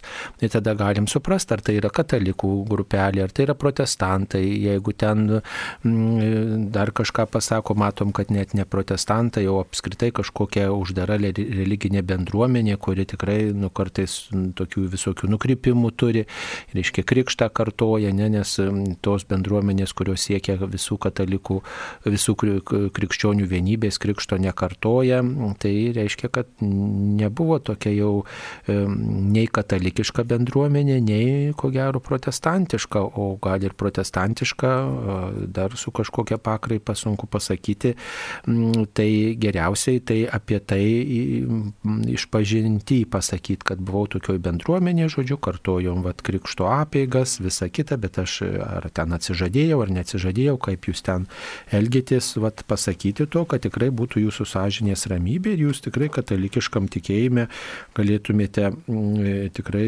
mm, likti ištikima ir laikytis visų, visų bažnyčios e, mokymo principų. Tai labai kviečiu būti atsargiai elgtis ir tikrai domėtis, kokia tai yra bendruomenė ir koks jo po, jos požiūris į mano minėtus dalykus. Taip, dar viena žinutė, ką daryti dėl nuolatinio žeminimo ir psichologinio smurto šeimoje. Pakeisti nieko negaliu, nebėra jokio džiaugsmo, orumo jaučiu, niekas gyvenime. Jaučiuosi niekas gyvenime, esu nuo vaikystės paklusnė, atsispirti negaliu ir dėl to labai kenčiu. Būna momentų, kai atrodo nebeištversiu, nors melžiuosi. Gerai, kad melžiatės, tačiau tuos tą žeminimą, tą smurtą tikrai ne, neužgneuškit šeimoje, būtina apie tai su kažkuo kalbėtis. Su pirma, ar su psichologais, ar su eiti iš pažinties, bandykit ieškoti kokių kitų sprendimų, apie kitus variantus pagalvokit, galbūt nu, kokių visokių išeičių gali būti, žinot, tiesiog gal reikia viešinti šitą problemą. Paprastai, kai problema yra viešinama, tuomet saugiau gal kažkiek žmogus jaučiasi. Na, tikrai tarkite su visokiais specialistais, sakyčiau. Viena nepasilikite šitoj srity, Ir, ir tikrai gerai, kad melžiatės, kad šaukėtės viešpaties, tai tokios ramybės, tikėjimo, vilties reikia, bet būtina tokiais atvejais tikrai kalbėti su įvairiausiais žmonėmis ir, ir, ir patarimo klausti, ir, ir, ir išsakyti situaciją, kad į jumise ne tik tai konkuliuotų jūsų širdį. Mums paskambino. Vita iš Vilniaus rajono. Taip, Vita, klauskite. Labadiena. Labadiena. Uh es, tėtis, tėvai užaugino mus septynis. Dabar jau virš 20 metų, kai abu išėję Napilin. Ir, žinot, kažkaip tai norim atsidėkoti už tą vargą, palaikyti tą ryšį su savo tėvais ir mes užperkam mišes. Tai jeigu jau po vieną kartą užperkam, tai jau yra septyni kartai. O dar yra visi šventai, dar kitos yra progos. Ir sulaukiam priekaištų, sako, šitiek metų ir jūs savo tėvam neduodat ramybės. Tampot ir tampot juos. Mes laikėmės tos nuomonės, kad maldų nėra per daug. Vat įdomu jūsų požiūris, ar iš tikrųjų mes čia juos tampom, gal užtenka tiesiog maldos namuose. Laukiu atsakymo. Ačiū. Ačiū už klausimą. Iš tikrųjų, E, labai mūsų, e, kaip pasakyti, svarbiausia yra vidinė nuostata, yra sąžinė ir ta prasme kiekvienas žmogus savo viduje girdi, kaip pasakyti, kaip jam vienu ar kitu atveju elgtis. Ir jeigu žmogus iš tikrųjų iš savo artimųjų, iš kažko yra gavęs nemažai malonių, jisai gali melstis ir, ir gali, aišku, jeigu tas su saiku vyksta ir taip toliau, ir tas yra labai, kaip pasakyti, gražu ir gera, tą, ką jūsų širdis skatina, nes Pavyzdžiui, aš kaip būdamas kunigas ateina į parapiją ir būna iš tikrųjų ten miršta žmona, vyras, tėtis, mama, sunus, dukra ir, ir žmonės eina ir ten kas mėnesį ar dar kažką užsakinėti mišes ir sakai, nu tikrai nereikia dėl to, kad e, tu žinai, kad žmogus savęs kreudžiasi finansiškai. Ir, ir tada tu sakai, užtenka tų vienų mišių per metus, pasimelskit ten rytą, vakarą, dieną už tą žmogų, nes yra gaila, kad žmogus tiek aukoja ir ta prasme ir jisai gal susispaudęs ten neša tą auką mišių už tą žmogų, dėkot, melstis ir taip toliau. Tai gali būti iš tikrųjų, jeigu pasitaiko toks, nu, kaip pasakyti, tikrai geras e, kunigas, e, ta prasme, kuriam pinigai nėra e, prioritetas, tai gali pasakyti tiesiog galbūt net ir, ir, ir, ir grubokai, žinot, kiekvienas mes savo bendravimo ypatumų turim, bet ta prasme mintis ta, kad žmogus nesiskriaustų. Ne tai, kad žmogus nesimelstų ar panašiai, nes, nu, aš irgi iš savo iš savo tėvų, iš senelių, iš kitų esu daug gavęs ir dvasinio palikimo, ir materialaus palikimo, ir kitų dalykų. Ir aš suprantu, kad jeigu mano ten tėvai būtų priklausomi ar dar kažkas, ar mano seneliai būtų nevalingi buvę, mano gyvenimas būtų visai kitoks. Tai prisiminti maldoje, dėkoti Dievui, išlovinti už tai, kad, kaip pasakyti, tie žmonės, kaip pasakyti, perdavė mums tą gerą dvasinį lobį, galbūt kažkokį materialų dalyką, kuris palengvina mūsų gyvenimą. Tai melstis tikrai tą saikingai galima viską ir kitą kartą galbūt kunigas dėl to, kad neverta, nes būna gaila žmonių, kas savaitę, kas mėnesį, kas du ir sakai ir tai pasimelsim ir viską ir nebūtina mišių ir aš visada ir sakau, ar jūs eisite dešimt mišių ten po penkis eurus aukosit, ar jūs nueisit 50 eurų paukosit ir, ir vienas mišes už tą žmogų. Tai galbūt tikrai kunigas ir gero norėdamas taip, nu, ar, ar kiti žmonės, kad palikti ramybėje. Ta prasme ir aišku, visada turi įvykti ir paleidimas. Jeigu tai yra tampa kultų kažkokiu, tada tai irgi yra, nu, kaip pasakyti, kaip pasakyti, tada jau savotiškai kaip įgarbinimą tų žmonių įeinama. Bet jeigu tas toks sveiko proto ir, ir sąžinės balansas. Matot, kiekvienose mišiuose mirusieji bendrai prisimenami ir bažnyčia meldžiasi už mirusius kiekvienose mišiuose. Tai, e, tai mes malda visus palydime ir nereiškia, kad mes e, juos nepaliekame ramybėje. Kaip tik mūsų malda tai yra meilės aktas, toksai meilės e, išraiška. Ir keletą kartų per metus prisiminti mirusius tai nėra joks jų varginimas. Ir, ir į kapinės keletą kartų per metus nueinat ar, ar ten kaip dažniau gal. Tai irgi mes tvarkome kapus ir nevarginam tų mirusiųjų, bet pagarbiai elgiamės ir tiesiog tokiu būdu parodom savo meilę jiems ir dėkingumą. Va, o, o bažnyčią išlaikyti mes mišes užsakydami prisidedam prie kunigo išlaikymo, parapijos kunigo išlaikymo prisidedame tokiu būdu ir e, tikrai, nes norime, kad kunigas būtų toj parapijoje ir, ir teiktų sakramentus man ir kitiems žmonėms tai ir melstusi už mus, tai, tai, tai ir dėl to užsakome šventasias mišes, tuo pačiu ir patys norime mm, melstis užmirusius ir kartu norim palaikyti kunigą. Tai to, tokia ta tradicija yra, tai ir apie šitus dalykus verta galvoti. Dar tuo labiau e, mūsų tikėjimai yra labai svarbus mirusiųjų prisiminimas tuo, kad tu prisimeni, kad tu pats mirsi. Mm ir iš tikrųjų laikas greit bėga ir tau priverčia va, tas nuo malda užmirusiuosius ar kapinių aplankimas, jisai turi ir mum labai tokią gelbstinti išganimo reikšmę, kad kaip aš gyvenu savo gyvenimą, kam aš jėgas atiduodu, kam aš mintis atiduodu, ta prasme, kad ir aš mirsiu ir iš tikrųjų tą gyvenimą nugyventi kuo geriau, ramybėj, džiaugsme, meilė ir tarnystė. Ačiū už klausimą. Mums paskambino.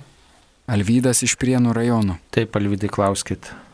Labą dieną. Labą dieną. Šitą toks klausimas. Šventame rašte parašyta, kad jeigu kažkoks žmogus į, nu, įkiš savo protų, protą į šventų rašto tunį, tai tam nematyt dangaus karalystė. Ir man atrodo, 12 amžiuje kažkoks tai popiežius uždraudė kunigams vesti. Tai reiškia, jisai pažeidė šventų rašto turinį savo veiksmais nu, kaip visuose šventuosios raštuose pilnuose nėra to, kad kunigams uždrausta vežti. Tai aš manau, kad tam popiežiui kažkaip lyg tai dangaus karalystė ir nešviečia. Šviečia, šviečia, nebijokite. Čia jeigu tik tai, tik tai, kaip sakoma, taip mes čia spręsim, kam šviečia, kam nešviečia dangaus karalystė, tikrai tai ne, ne tas kelias yra. E, tegu Dievas jau sprendžia, kam šviečia ta karalystė, kam nešviečia. Dabar nelabai supratau, kokią ten švento rašto eilutę jūs cituojate. Reikia, jeigu norite, kad aptartume, kokią švento rašto eilutę reikia surasti, įvardinti konkrečiai konkrečiai, konkrečiai, žinot, kuo konkrečiau kalbėsime, tuo bus geriau. Dabar, kad celibatas ten įvestas oficialiai privalomas ar ne, ten kuriam amžiui, 90-10.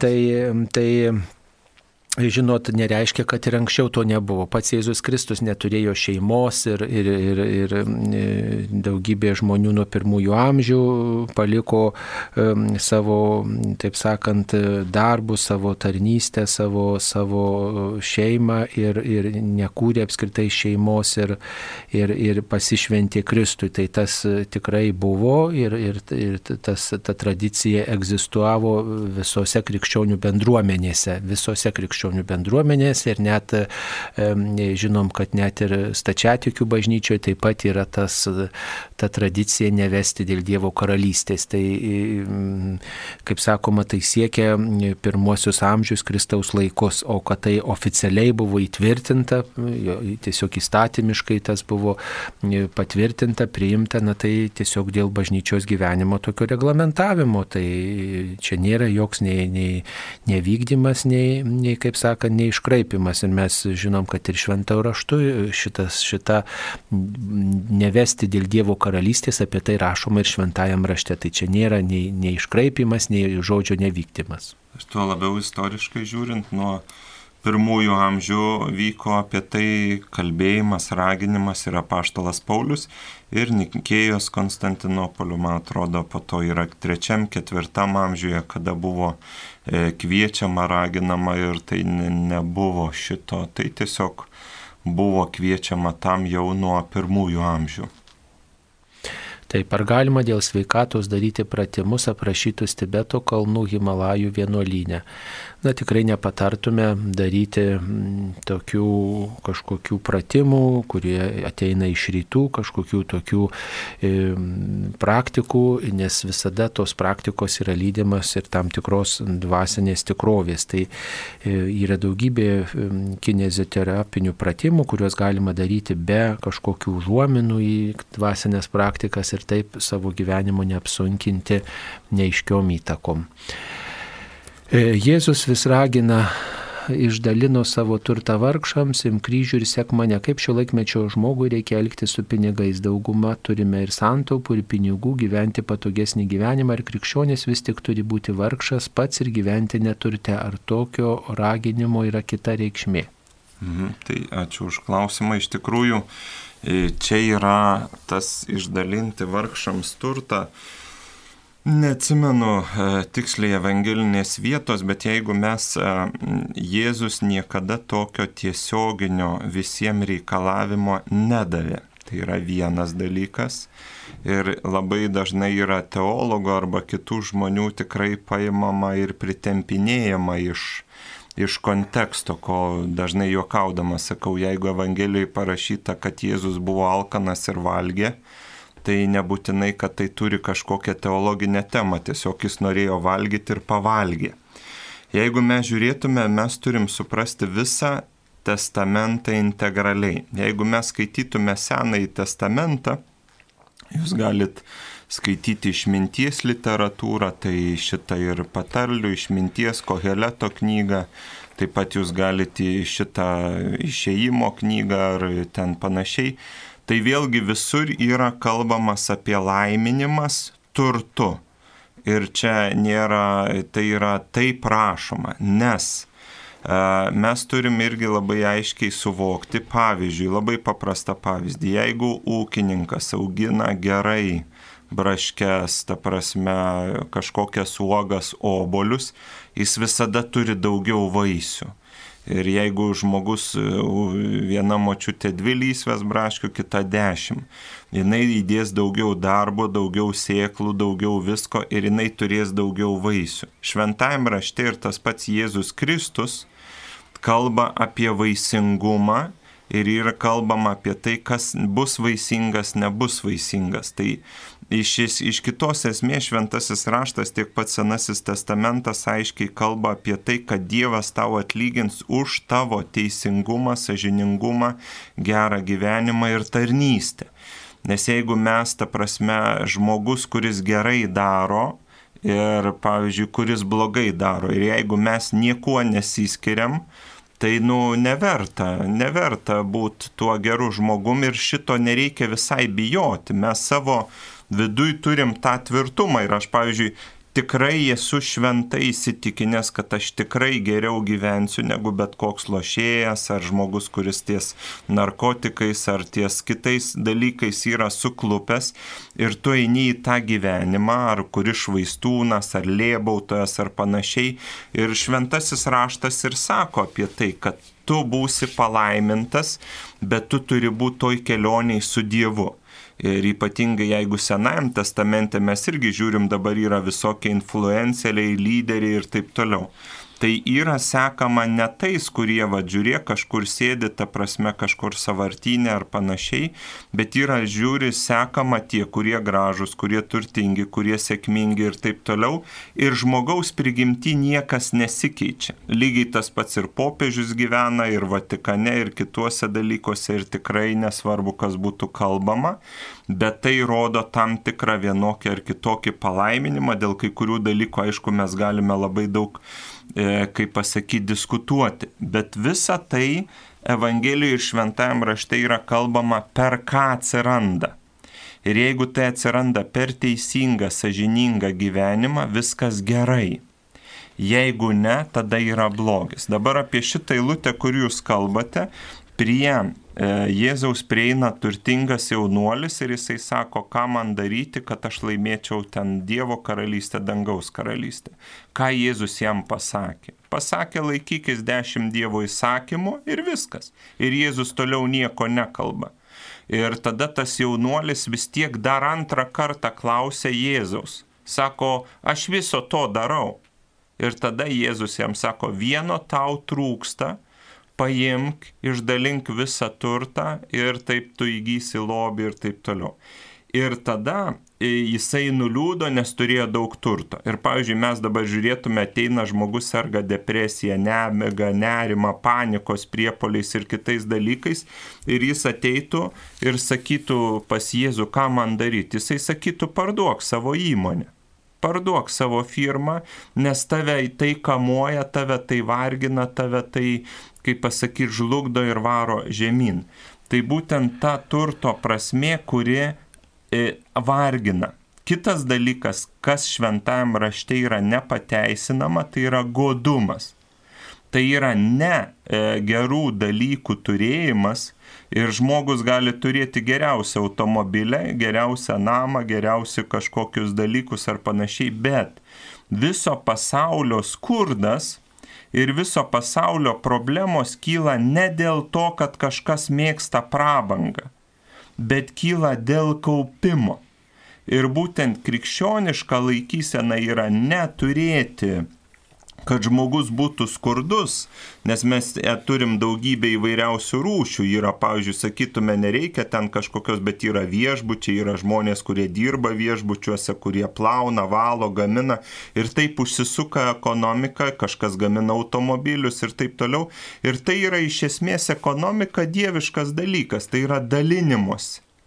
Kada ekonomika tampa iškreipta, kada atsiranda besaikis godumas ir besaikis kaupimas arba pavydo kultūra. Nes, pavyzdžiui, visos šalis, kur būdavo nacionalizuojamas turtingųjų turtas, ta prasme, dažniausiai nueidavo į infliaciją arba į badą.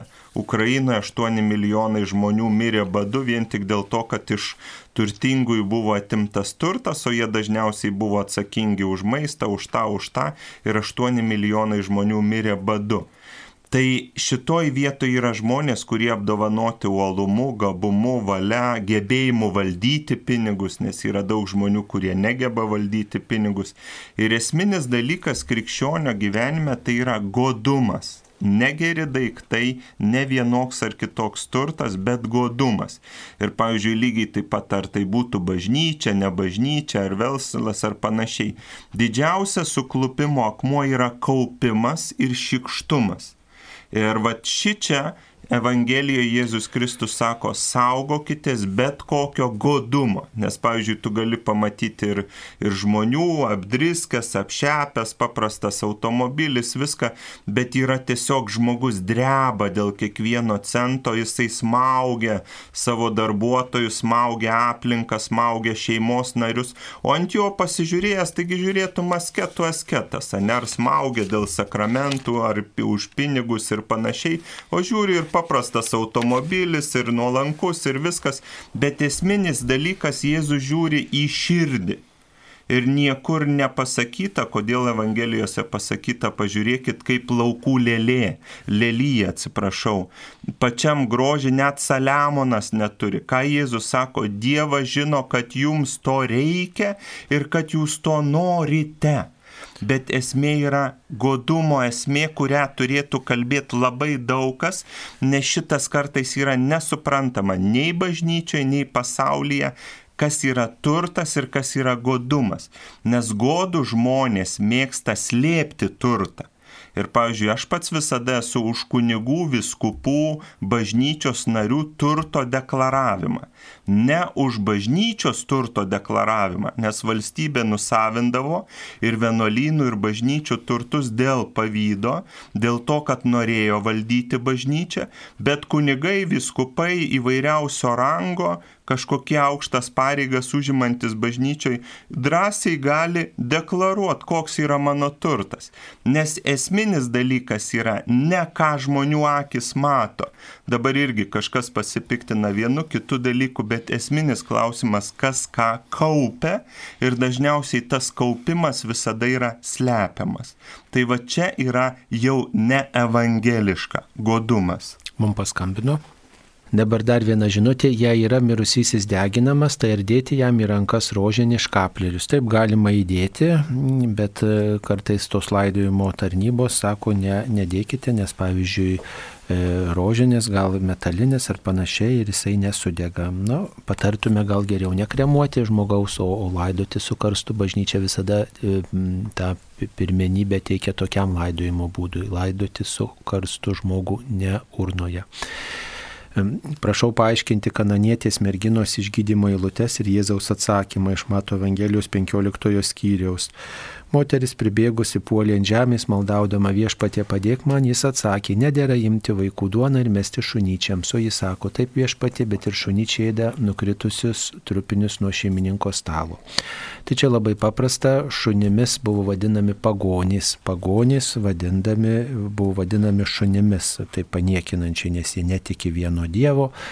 Ir tiesiog moteris ir Jėzus e, šitą žinojo ir dėl to Jėzus ir pasakė, štai nedėra imti duoną, vaikų duoną, tai supraskim, kad tą malonę, Dievo plankimą e, duoti pagonims nedėra. Jėzus tai pasako, reiškia, jis atėjo pas išrinktąją tautą, o ta moteris atsako, taip, bet ir pagonys maždaug pasitenkina tais malonės trupiniais nukritusiais nuo viešpaties, iš viešpaties dosnumo, iš viešpaties gerumo. Taigi Jėzus paskiau pagyrė tokį moters tikėjimą ir suteikė jai, ko ji prašė. Taigi matom čia net ir pagonis gali būti pavyzdžių išrinktai tautai. Tai ir mes, kurie tikime, galime būti tikrai tokie sulaukti malonių ir būti tikri, kad viešpats mus išklausys. Tuo pačiu, aišku, dar šitam, vat vėlgi mes kaip ir prieš tai kalbėjome,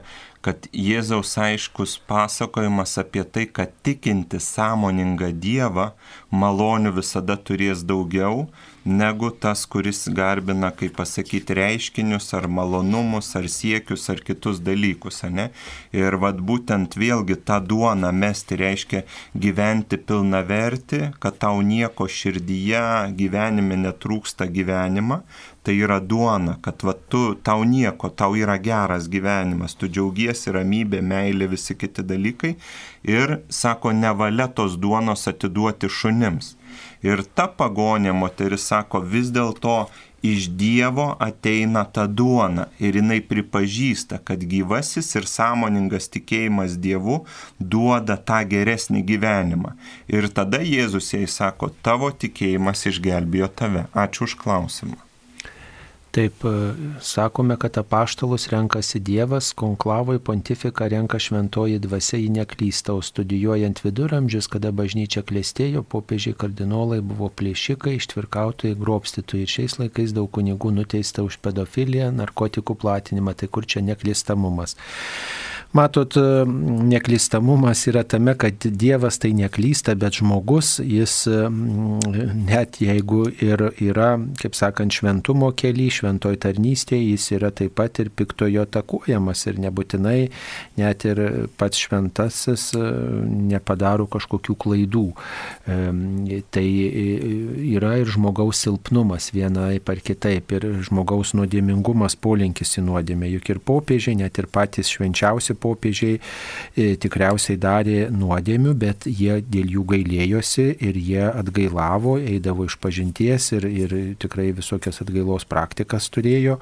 Mm, tai tas toks šventumo kelias ir yra. Dievas pasirenka nusidėlius, juk net ir tarp apaštalų buvo tokių žmonių, kurie norėjo ir gerų vietų, ir, ir, ir pykosi, ir, ir nesuprato. Tai taip kad, taip, kad čia yra ilgas kelias. Taip, ir aišku, labai svarbu visada, kai mes kalbam apie problemas, svarbu žinoti mastą. Lietuvoje yra tūkstantis kunigų, pavyzdžiui, Milane vienoje viskupijoje yra tik vienam mieste tūkstantis, du tūkstančiai kunigų. Šiaip visas personalas bažnyčios, jeigu imtume vienuoliai ir kunigai, yra apie milijoną žmonių. Ir ta prasme, ta informacija, kuri pasiekia, taip yra dalykai, kurie yra negeri, negražus, bet vėlgi mes turėtume žinoti kontekstą žmonių. Tai yra milijonas žmonių, kurie, ta prasme, padaro tam tikras klaidas. Kitas dalykas, ką mes visada nuvertinam, tai žmogaus keitimasi. Nes ir pats Jėzus Kristus pasakė Petrui, eik šalin nuo mane šetonė, ne? tai irgi jo viduje vyko virsmas ir jis ir bijojo, ir kančios, ir kitų dalykų. Mes neskaidom žmonių, bet tuo pačiu yra visada tikimybė, kad žmogus gali arba šventėti, arba degraduoti. Ir tai nėra panaikinama. Ačiū Jums už klausimą. Paskambino mums. Aldona iš Kaišėdorių. Taip, Aldona, klauskite. Garbėzu Kristus. Per amžius. E, aš norėčiau tokiu klausimu. E, šit, kaip užperkame mišes mes, ne, ne metinės, ne ketvirtinės, bet paprastai mišes. Ir kodėl kunigas kartą laikydamas mišes pamin, pamini mums savo rangus žmogaus vardą vieną kartą, kitą kartą du kartus paminė, trečią kartą tris kartus paminė. Nuo ko tai priklauso? Mums, žinot, mums kuo daugiau atrodo paminė, tai labiau melžiamasi. Užtenka, mėloji, vieną kartą paminėti, už ką mišios yra aukojamos. Kartais kunigas paminė ir bendruomeniniai maldoj, ir paminė kanoną įterpę ten nustatytoj vietoj, bet e, šiaip jau, jeigu įvardina, kad už tą žmogų melžiamasi, tai mes, mums to ir turėtų pakakti. Nereikėtų ten e, nei reikalauti, nei ten manyti, kad jau kuo daugiau daugiau pamini, tai, tai jau čia tuo geriau. Pamini, tiesiog tokią intenciją turi ir to pakanka. Ir dar vienas klausimas, paaiškinkit apie viso gyvenimo išpažinti, ar kartuojamos jau išpažintos ir atleistos nuodėmės. E, viso gyvenimo išpažinti susijusi su tokiu dvasinės kelionės apžvalga. E, tai nėra ta išpažintis tokia, kad prisimenu tai, kas, ką, ką, ką padariau, kas jau išpažinta, galbūt reikėtų prisiminti, kaip man sekėsi iš vienu ar kitų įdų kilti, ir bendra tokia dvasinio gyvenimo apžvalga tai labiau. Apie tai reikėtų pasikalbėti su nuodėmklausiu arba su savo dvasios tėvu. Ir aišku, viso gyvenimo išpažintis atlieka kunigai. Mes, kai stojame į seminariją prieš priimdami šventimus ir aišku visada yra kviečiama prieš priimant santokos sakramentą. Ką tai reiškia? Tai reiškia, kad žmogus pradeda naują gyvenimą su Dievu ir su kitu žmogumi ir tu nenori, kad tie praeities dalykai iš tikrųjų tau neduotų ramybės, nes mes per klaidas nuodėmės prarandam ramybę, vidinį džiaugsmą, santyki ir meilę. Ir gali būti net jeigu yra atlikta išpažintis, bet yra kažkokia ir tu pradedi naują gyvenimą be klaidų kitą savo gyvenimo etapą. Ir tam žmogus kviečiamas atlikti prieš svarbiausius gyvenimo įvykius, kviečiamas atlikti visą savo gyvenimo išpažinti, tam, kad tu patikėtum irgi Dievo gailestingumu, kad tu gali gyventi kitokį geresnį gyvenimą be klaidų ir nuodėmių. Ačiū už klausimą. Taip ir paskutinis klausimas, ar kalbant 15 val. vainikėlį kodėl nepasakoma popiežiaus intencija ar paslaptis, paskambinus pasakė, kad kai kurios intencijos paslaptingos. Ne, tai neteisingai pasakė, nežinau, kur jūs paskambinot ir kam ir kas jums pasakė, bet e, intencijos yra visos žinomos, kuriomis popiežius meldžiasi, bent jau ta oficialiai vardinta, aišku, gali turėti popiežius ir kitų kažkokių intencijų, bet viena ta pagrindinė ir jinai yra pasakoma, jeigu ji nepasakoma, tai ją visada galima rasti tiesiog net ir reiškia, ir internete, ir jos yra skelbiamos. Tai pavyzdžiui, šį mėnesį popiežius meldžiasi, kad e, sulauktų pagalbos ir nebūtų skriaudžiami dėl tikėjimo diskriminuojami žmonės tai meldžiasi už tuos diskriminuojamus dėl tikėjimo, tai tokia yra oficiali intencija, nors gal ir nebūtina kartais ją skelbti.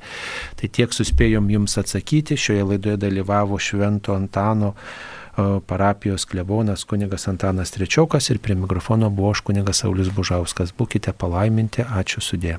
Ačiū.